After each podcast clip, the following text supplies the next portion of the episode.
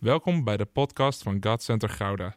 Vanaf deze plek willen we jou inspireren, motiveren en activeren om op een praktische manier je dagelijks leven met God vorm te geven.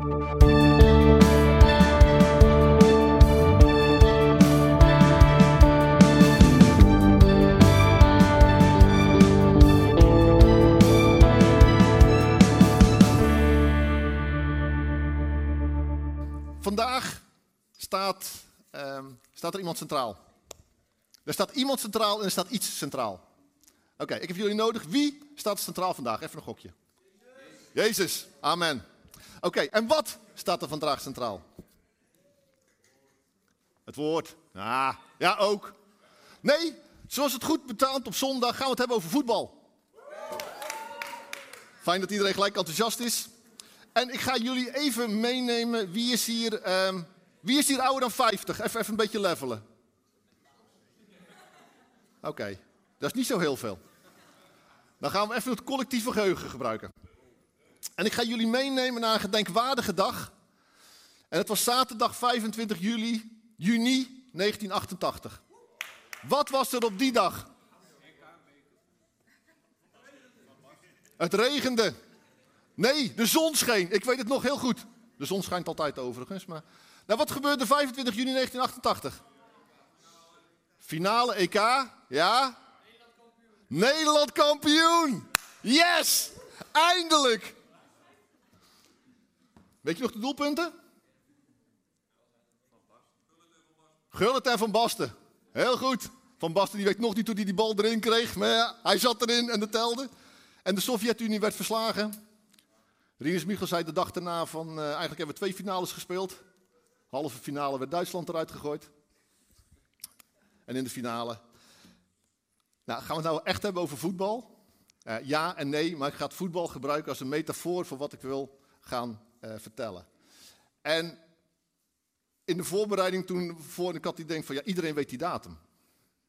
Dus ik vroeg aan Marjan, zeg, geen idee. En ik vroeg het nog aan een aantal mensen. Zeg, geen idee. Ik denk, nou, Jeroen. Ik denk, Jeroen, die moet het weten, voetbalfan. Ik zeg, wat gebeurde er op 25 juni? Ja, joh, ik was nog niet eens geboren. Ik zeg, ja, en? maar uh, het had heel lang geduurd. En, maar iedereen weet wel dat we het EK gewonnen hebben, toch? He, dat, dat is wel gebleven. En na de verloren finales in, in 74 tegen Duitsland en in 78 tegen Argentinië, was het dan nu eindelijk zover. Nederland had een groot, kampioen, een groot uh, noem je dat, uh, toernooi gewonnen. En die, dat winnen van die titel, dat was één ding. Maar wie weet wat er de dag daarna gebeurde? Ja, Man, die gasten werden uitgenodigd en die zaten op een boot door de grachten van Amsterdam. En dat was daar één hysterische massamassa. Of je zat voor de buis, of je was in Amsterdam. Nou, mocht je die beelden niet zien en denken van waar heeft hij het over? Google eventjes inhuldiging WK, eh, EK88 en je zal het zien. Echt, die boot die voerde de grachten en langs de kant, over de bruggen, die boten die half gezonken waren, waar mensen op stonden te dansen. Iedereen haalde de kampioenen binnen. En de huldiging was uiteindelijk op het Museumplein, waar echt een uitzinnige menigte die gasten stond binnen te halen als helden. Fijn dat jullie zo enthousiast zijn.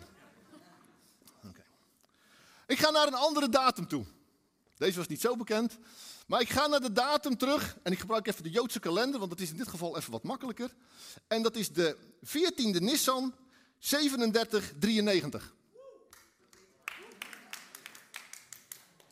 Nou, wie?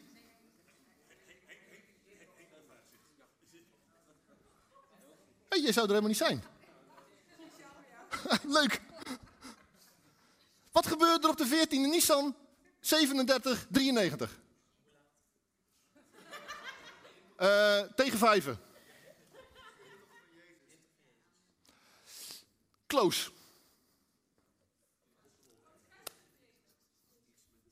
De wat? De kruisiging. Dankjewel. Tegenwoordig noemen we dat ook wel Goede Vrijdag. En deze dag, die was duizenden jaren vanaf nu gerekend al, al ingegeven bij de uittocht van Egypte, dat ze op de 14e Nissan het lam zouden slachten. Als je het wil weten, dan moet je Exodus 12 erbij op, uh, oppakken. En dat was dus een beeld dat Jezus zou sterven aan het kruis. En op Goede Vrijdag versloeg Jezus Satan aan het kruis. En dan vieren we altijd Goede Vrijdag. En ik denk dat dat heel erg goed is. Maar ik denk ook dat het goed is om te realiseren dat Jezus helemaal niet op een vrijdag aan het kruis geslagen is. Dus even een stukje. Wie, wie heeft altijd gedacht dat Jezus op Goede Vrijdag aan het kruis was geslagen? Gewoon eerlijk zijn, hè? Of wat voor, andere, wat voor dag dan? Ja, donderdag. Ja, want anders kom je nooit op de derde dag dat hij opstond, hè? Dus het is donderdag, vrijdag, zaterdag. Maar dan kun je zeggen van, ja, maar hoe, hoe zit dat dan? Want het was voorbereiding en het was de Sabbat. Dus dat staat heel duidelijk in de Bijbel dat het Sabbat was. En dat staat er ook. Maar, dan moet je ook weten dat uh, de 14e Nissan, dat valt op een vaste datum. En niet op een vaste dag. Dus die wisselt door het jaar heen. Net als dat kerst 25 december bij ons elk jaar op een andere dag is. Maar dit niet. En het feest begon altijd met een Sabbat en eindigde met een Sabbat. Lees Johannes 19, waarin staat van de dag van die Sabbat was groot. Dus dat was niet de reguliere Sabbat op de zaterdag, maar het was een speciaal. En dan kom je automatisch uit dat dat de donderdag was. Het is wel even leuk dat je dat noemde van de tiende, van de intocht van, van, van uh, of dat het de tiende was.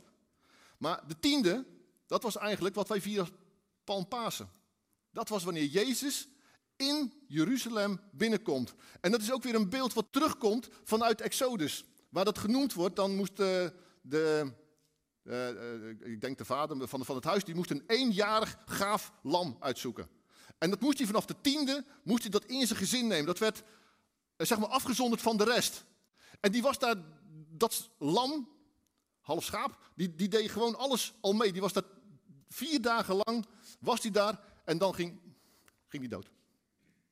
En zo ook met Jezus. Jezus komt de tiende binnen in Jeruzalem, wordt omarmd door iedereen, wordt daar binnen gehaald als, als, als, als geweldig.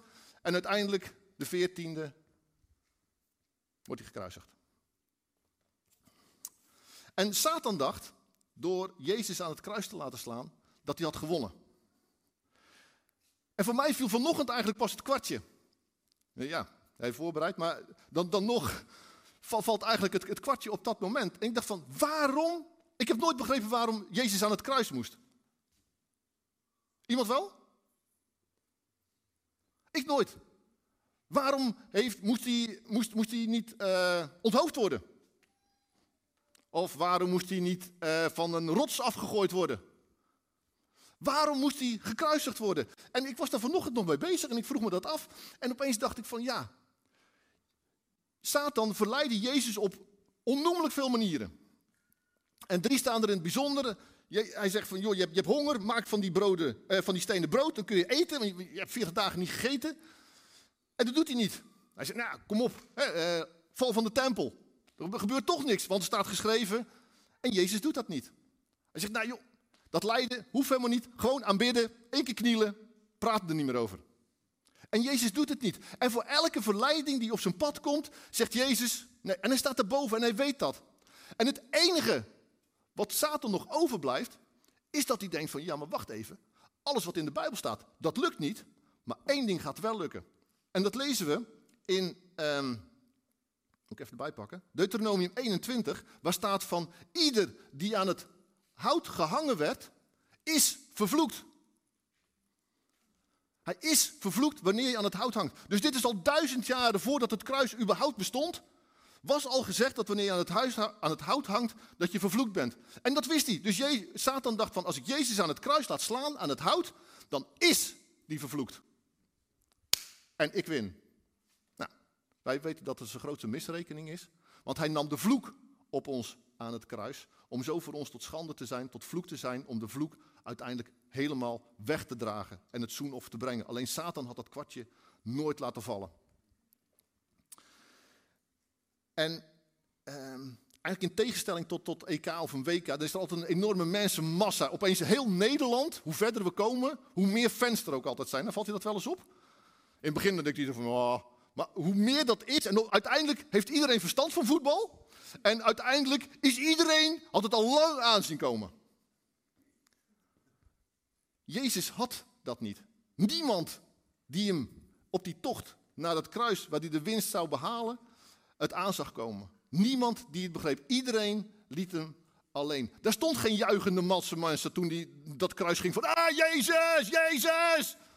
Nee, er stond, Jezus, Jezus, weg ermee. We hoeven je niet.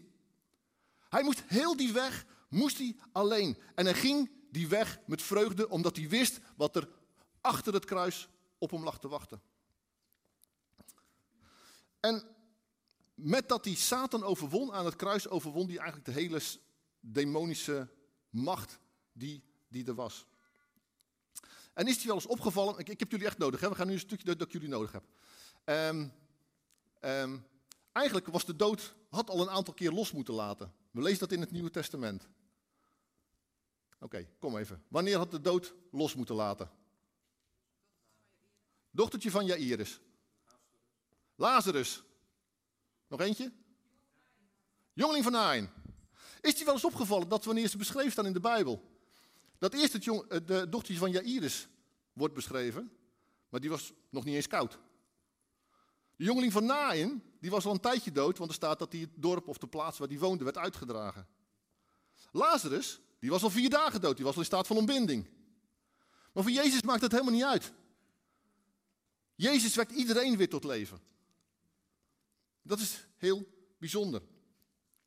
En toen Jezus stierf aan het kruis, moest de dood zich eigenlijk ook al gewonnen geven. Want wat gebeurde er op het moment dat Jezus stierf aan het kruis?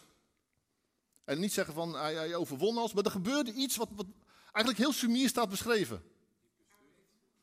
Een aardbeving, voorthangsel scheurt, ja allemaal goed? Yes, de graven gingen open. En er stonden van de ontslapen heiligen staat er. En die, maar die, die bleven buiten de stad. Die kwamen niet in de stad. Niemand wist dat ze opgestaan waren uit de dood. Pas toen Jezus zich had laten zien, weer aan zijn discipelen. En weer had gezegd van, joh, maar ik leef. Toen pas kwamen ze de stad in. En ik heb ze zo meteen even nodig. En. Ja, ook. en um, Jezus. Je van apropos, joh. Jezus onderwees ze 40 dagen lang tot aan hemelvaart.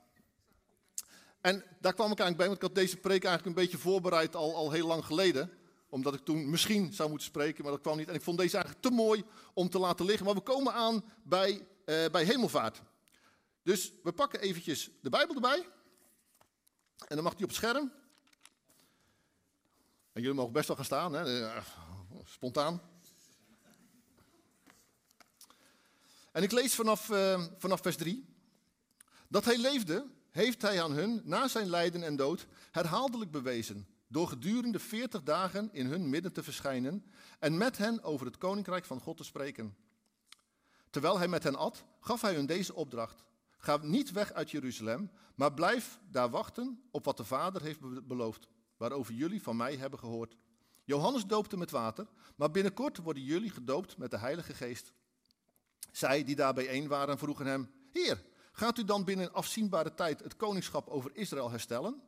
En hij antwoordde, het is niet aan jullie om te weten wat de Vader in zijn macht heeft vastgesteld over de tijd en het ogenblik waarop deze gebeurtenissen plaatsvinden. Maar wanneer de Heilige Geest over jullie komt, zullen jullie kracht ontvangen om mijn getuige te zijn in Jeruzalem, in heel Judea, in Samaria, tot aan het uiteinde van de aarde. Toen hij dit gezegd had, werd hij voor hun ogen opgeheven en opgenomen in een wolk, zodat ze hem niet meer zagen. Terwijl hij zo van hen wegging en zij nog steeds naar de hemel staarden, ontstond er, stonden er opeens twee mannen in witte gewaden bij hen. En ze zeiden, Galileërs, wat staan jullie naar de hemel te kijken? Deze Jezus, die uit jullie midden in de hemel is opgenomen, zal op gelijke wijze terugkomen als jullie hem naar de hemel hebben zien gaan. Daarop keerden de apostelen van de Olijfberg terug naar Jeruzalem. Tot zover. Heeft iedereen trouwens zijn Bijbel bij zich? Want we hebben hem vandaag echt nodig. Mag digitaal, mag ook, maar papier vind ik altijd wat prettiger. Dan kun je bijkalken. En dat mag gewoon in die Bijbel. Ik zag laatst de Bijbel van iemand die was nog geen jaar oud en die was al helemaal ondergeklieterd en gekalkt. Heel gaaf. Maar het is goed om stil te staan wat er met hemelvaart gebeurde. Want waar draait hemelvaart om? En ik vroeg dat vorige week aan een aantal mensen. Uh, ja, dat, dat, dat, Jezus naar de hemel is gegaan en uh, ja, vrije dag. Ja. Oké. Okay. That's it. Ja, dat, dat is het wel zo'n beetje. Oké. En eigenlijk missen we hier heel veel. Want als je nu denkt van, ja, maar zo denk ik er ook over. Ik ga je helpen om daar een stukje in mee te gaan. Maar waar draait hemelvaart op? Kom op, gooi hem er even in. Heel mooi. De huldiging. De hemelvaart was zoals die triomftocht van het Nederlands elftal, wat Amsterdam binnenkomt en gehuldigd wordt door iedereen die staat te juichen en te schreeuwen. Dat is waar hemelvaart over gaat. Dat Jezus terugkomt in de hemel. Hij wordt opgenomen, komt de hemel in. En er is het echt één groot feest. Want dat is waar die, uh, de tempel weer, of uh, de tempel, de troon weer uh, terugkrijgt. En we pakken dat eventjes erbij, om dat een stukje te verduidelijken, uit Psalm 47. En met vrijheid heb ik de Bijbel een stukje aangepast. Klap in de handen. Oh God Center. Hey, kom op hè. Gaaf. Juich goden toe met jubelzang. Geducht is de Heer de Allerhoogste. Machtige koning van heel de aarde. Volken dwong hij voor ons op de knieën. Naties legde hij aan onze voeten. Hij koos voor ons een eigen land. De trots van Jacob. Het volk dat hij lief heeft. Onder gejuich steeg God omhoog. De Heer steeg op bij hoorngeschal. Zing voor de Heer een lied. Zing een lied voor onze koning. Zing hem een lied. God is koning van heel de aarde. Zing een feestelijk lied. God heerst als de koning over de volken. God zetelt op zijn heilige troon. Dit is waar het is. God gaat omhoog en hij zetelt op zijn heilige troon. In het gevolg van Abrahams God. Zijn schildwachten zijn op de aarde. Hoog is hij verheven. Dat is waar het om gaat. En um, ik bedoel, Willem-Alexander, toen hij van prins Willem-Alexander koning Willem-Alexander had, uh, werd, had hij ongeveer Armin van Buren nodig om een beetje de boel op te zwepen daar zo langs het, uh, langs het water.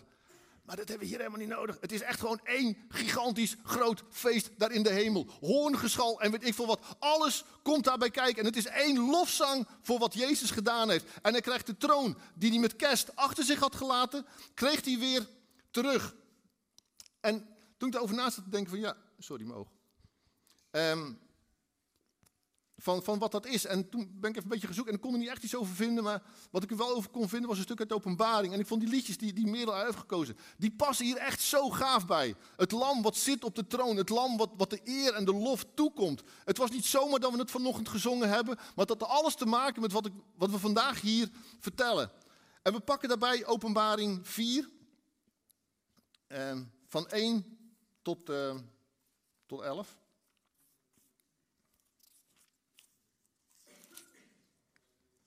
Hierna had ik een visioen. Er stond een deur open in de hemel. De stem die me eerder had toegesproken met het geluid van een bazuin zei nu: Kom hierboven, dan laat ik je zien wat hierna gebeuren moet.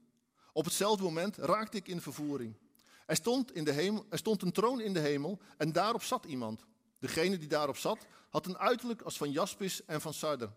En rond de troon was een regenboog die eruit zag als smaragd. Om de troon heen stonden 24 andere tronen, waarop 24 oudsten zaten. Zij droegen kleren, witte kleren, en hadden een gouden krans op hun hoofd. Van de troon gingen bliksemschichten uit en donderslagen en groot geraas. Voor de troon brandden zeven vurige fakkels. Dat zijn de zeven geesten van God. Ook lag er voor de troon iets als een zee van glas, van kristal. En midden voor de troon en eromheen waren vier wezens, die van voren en van achteren een en al ogen waren. De eerste wezen zag eruit als een leeuw. Het tweede als een mens, eh, jongstier. Het derde had een gezicht als een mens en het vierde leek op een vliegende adelaar. Elk van de vier wezens had zes vleugels, die overal bedekt, overal ogen aan de buiten- en aan de binnenkant. Dag en nacht, zonder ophouden, roepen ze: Heilig, heilig, heilig is God de Heer, de Almachtige, die was, die is en die komt.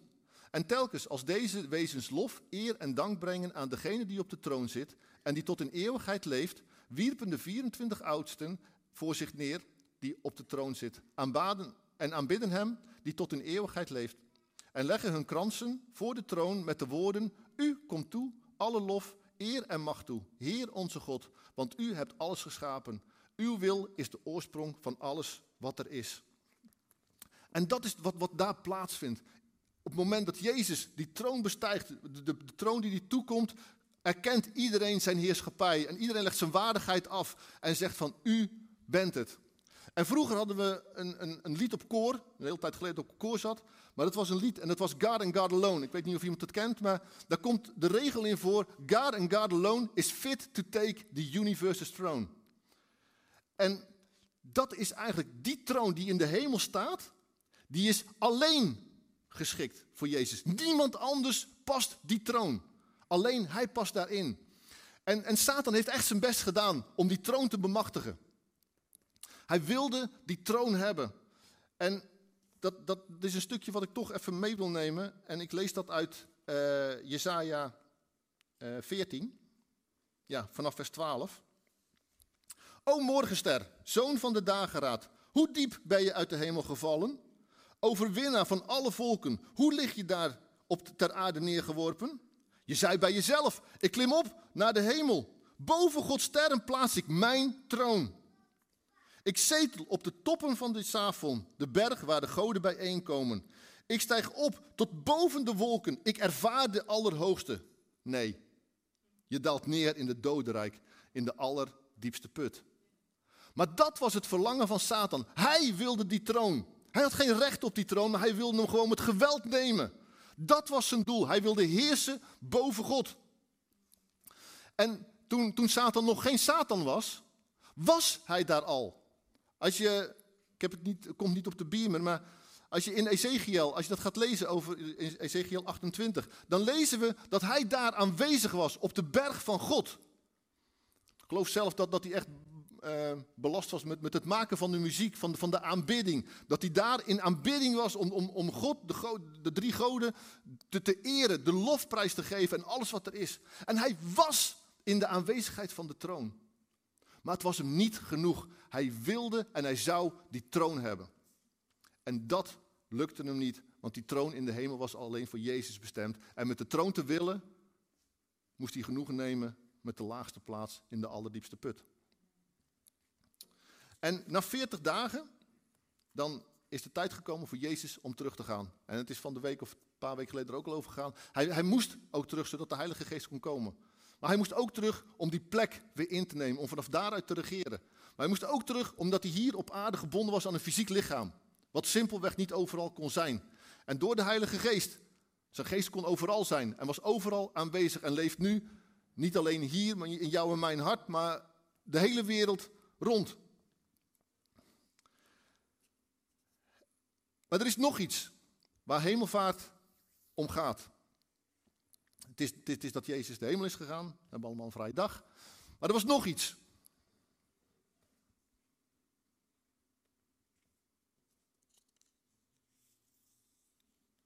Nee? Erg stil. Je zou meedoen, hè? Hij komt, hij komt. Ja, hij komt, hij komt. Hij komt zeker. Hij, dat is waar het om gaat. Hij, hij gaat omhoog, hij zegent. Hij zegent zijn discipelen. En dan, dan wordt hij opgenomen in de hemel. En dan staat er dat hij wordt weggenomen door een wolk. En ik vond het op zich wel, uh, wel, wel oh, grappig, is niet het goede woord, maar als je nagaat op de wolk. Ik dacht vroeger altijd dat dat gewoon, als je naar buiten kijkt, dan zie je wolken van die witte wolken. En dat die in een wolk ging. En uh, nou, dat zou best kunnen. Maar wolk wordt ook voor een ander iets gebruikt. Als je Hebreeën 12 vers 1 leest, dan staat er nu wij zo een grote wolk getuigen om ons heen hebben. En het is niet dat het heel bewolkt is of zoiets dergelijks. Nee, maar dat, dat, die wolk die slaat op het hoofdstuk daarvoor over 11. Alle geloofshelden worden genoemd. Dus dat zijn mensen. En ehm, als we ook lezen in ehm, Psalm 68 eh, vers 19, dan spreekt de Bijbel daar ook over. U voerde krijgsgevangenen mee eis de gaven van opstandige mensen en steeg op naar uw woning, Heer onze God. Dus hij nam mensen mee. En het zou zomaar kunnen dat die mensen die opgestaan waren op de dag dat Jezus gekruisigd werd, met hem meegegaan zijn naar de hemel. En dat die mensen het zicht op Jezus uh, wegnamen, zodat ze hem niet meer zien. Het is geen dogma of zoiets dergelijks, dus, maar ik vond het wel, uh, wel bijzonder mooi. Maar het is inderdaad dat met de belofte dat, uh, dat, dat Jezus opgegaan is, dan, dan, dan is ook de belofte daar van, die twee mannen, die twee engelen die dan komen en die zeggen van Jezus komt op gelijke wijze terug. En dat is wat we mee mogen nemen. Jezus komt terug. En dat is vastgesteld op die dag. Het is een belofte geworden die hij geeft. Die engelen waren van God gezonden om te zeggen, ja, Jezus is niet zomaar naar de hemel gegaan en, en daarmee is het afgelopen. Nee, Jezus komt weer terug. En dan kun je natuurlijk afvragen van, wanneer komt Jezus terug? Dat is zo'n interessante vraag. We willen weten wanneer Jezus terugkomt. Er zijn mensenmassas die breken hun kop erover om te beredeneren, om te berekenen wanneer Jezus terugkomt. En Jezus zegt van, het is niet jullie zaak om te weten wat de Vader in zijn macht heeft vastgesteld over de tijd en het ogenblik waarop deze gebeurtenissen zullen plaatsvinden. Dus het is helemaal niet interessant om te weten wanneer die terugkomt. Maar het mag een zekerheid zijn voor je dat die terugkomt. En eh, over dat terugkomen, was ik een stukje aan het lezen en eh, er wordt vaak gezegd van ja, Jezus die komt terug als, als een dief in de nacht. Staat ook in de Bijbel, dus het is niet iets wat ik zelf verzin. Daar komen we zo meteen nog op. Maar wie gelooft dat Jezus terugkomt als een dief in de nacht? Oké, dat zijn uh, 10, 15 mensen. Wie gelooft dat Jezus niet terugkomt als een dief in de nacht? Dat zijn ongeveer ook 15 mensen. De rest van de mensen die twijfelt nu van wat moet ik gaan zeggen. Is dit een strikvraag? Nee, dit is echt gewoon een serieuze vraag. Misschien heb je er nog nooit over nagedacht. Denk er dan nu gewoon even over na. Komt Jezus terug als een dief in de nacht? Of komt Jezus niet terug als een dief in de nacht? Ik bedoel, een tussenweg zit er niet. Iedereen denkt van, ik ga toch even, maar, maar even niks zeggen. Maar goed, ik ga jullie meenemen, want beide is eigenlijk waar. Ja, dat is even een opluchting, hè? Ja, neem ook even een slokje.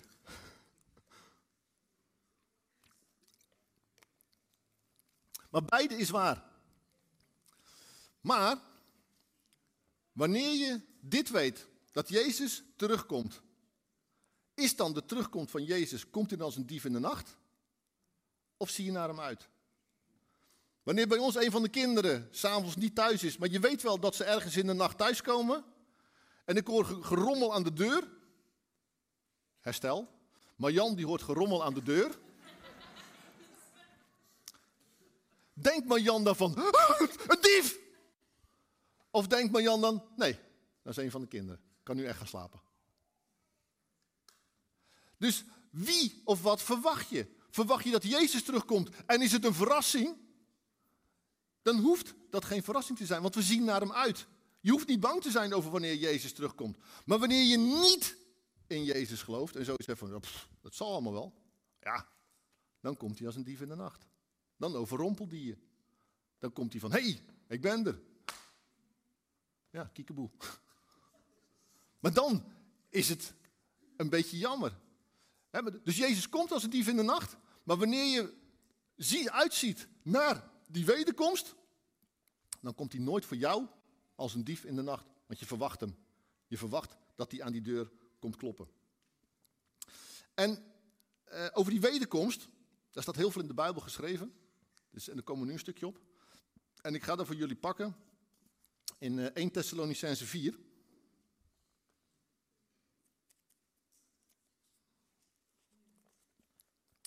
En uh, Wacht even.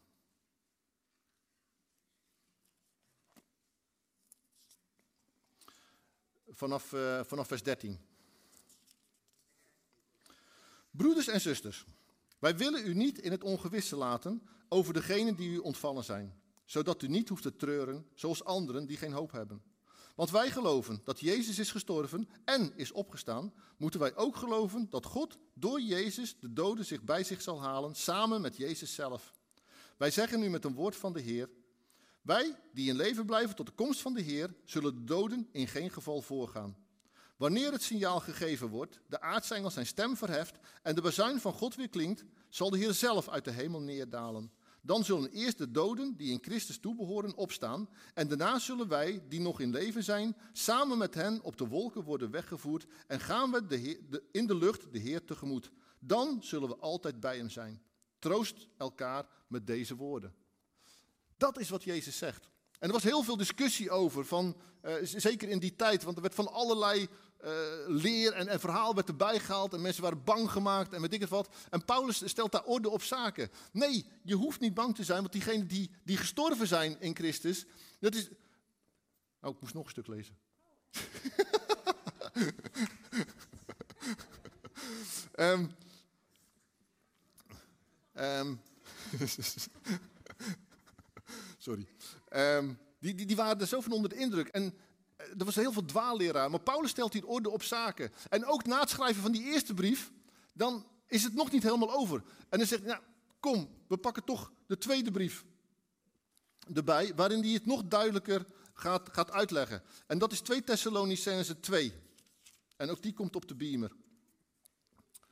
Wat vooraf gaat, nou, het begint ook weer met broeders en zusters, dus we worden gewoon lekker aangesproken. Over de komst van onze Heer Jezus Christus, waarbij we met Hem worden verenigd, zeggen we u. Verlies niet meteen uw verstand en raak niet in paniek wanneer een profetie, een uitspraak of een brief die door ons zou zijn geschreven, het voorstelt alsof de dag van de Heer al is aangebroken. Laat u door niemand misleiden op geen enkele manier. De dag van de Heer breekt niet aan voordat velen zich van het geloof hebben afgekeerd en de wetteloze mens verschenen is. Hou deze even vast. De wetteloze mens verschenen is.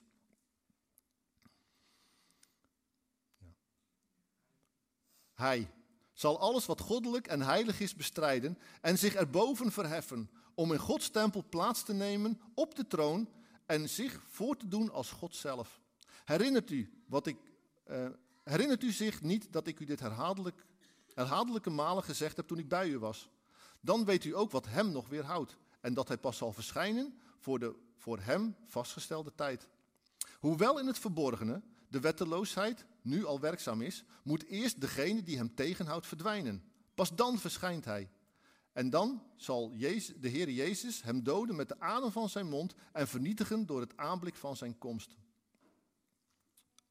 Um, de komst van de wetteloze mens is het werk van Satan en gaat gepaard met groot machtsvertoon en valse tekenen en wonderen. En allen die verloren zullen gaan, zal hem met kwaadaardigheid verleiden. Want ze hebben de liefde voor de waarheid, die hen had kunnen redden, niet aanvaard. Daarom treft God hen met verblinding, zodat ze dwalen en de leugen geloven. Zo zal ieder die de waarheid niet gelooft, maar behagen schept in onrecht, worden veroordeeld. Maar voor u, broeders en zusters, Gods en Gouda, geliefde van de Heer, moeten wij God altijd danken dat Hij u als eerste heeft uitgekozen om te worden gered door de geest die heilig maakt en door het geloof in de waarheid. Hij heeft u daartoe geroepen door het evangelie dat wij u verkondigd hebben. En daardoor u zult delen in de luister van onze Heer Jezus Christus.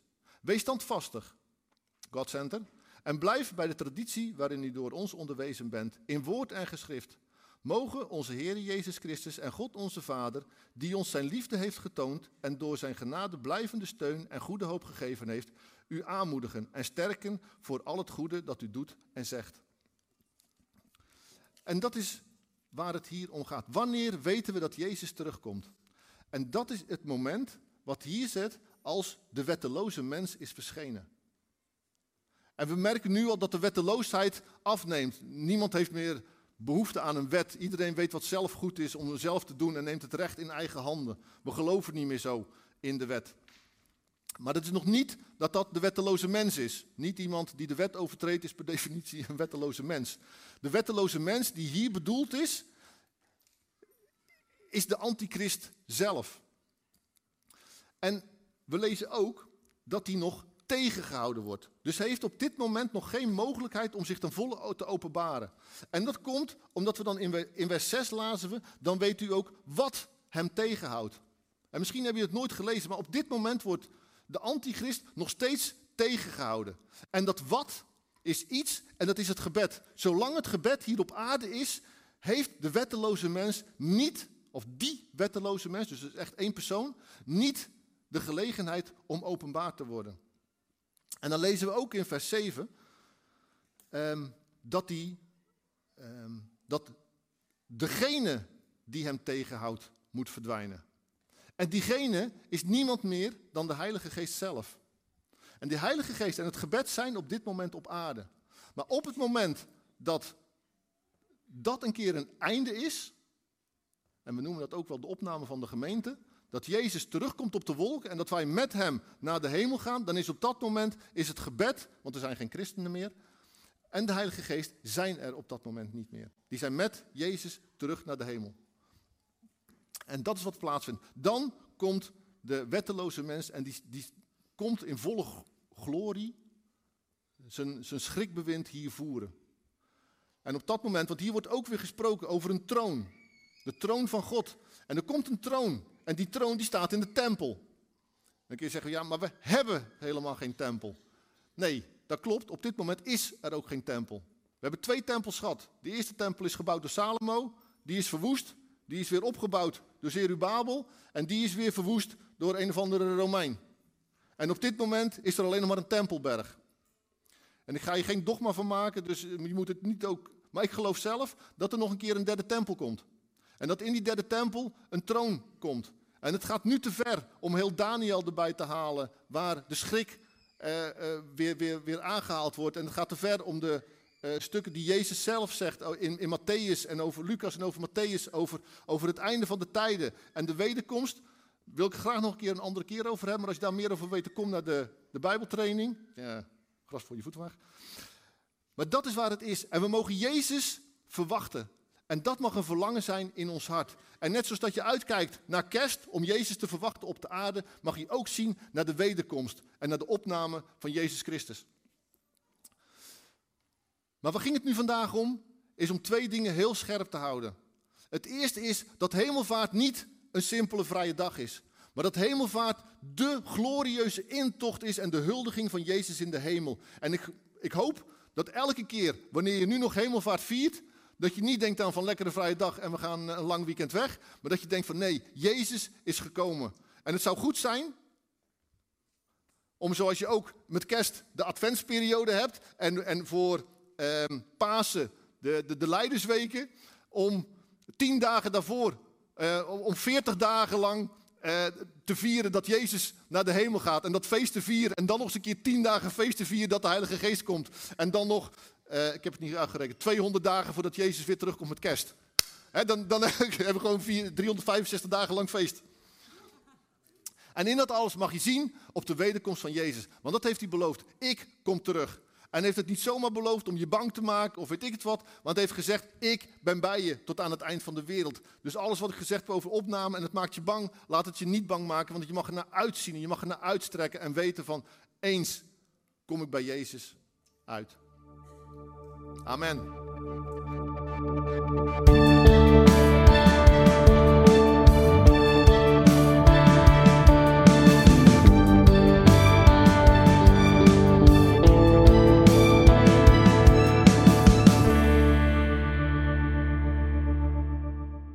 Bedankt voor het luisteren naar deze podcast. Volg ons op onze kanalen om verbonden te blijven. Heeft deze aflevering jou geraakt? Deel dan op je socials en tag ons, zodat we samen meer mensen kunnen bereiken.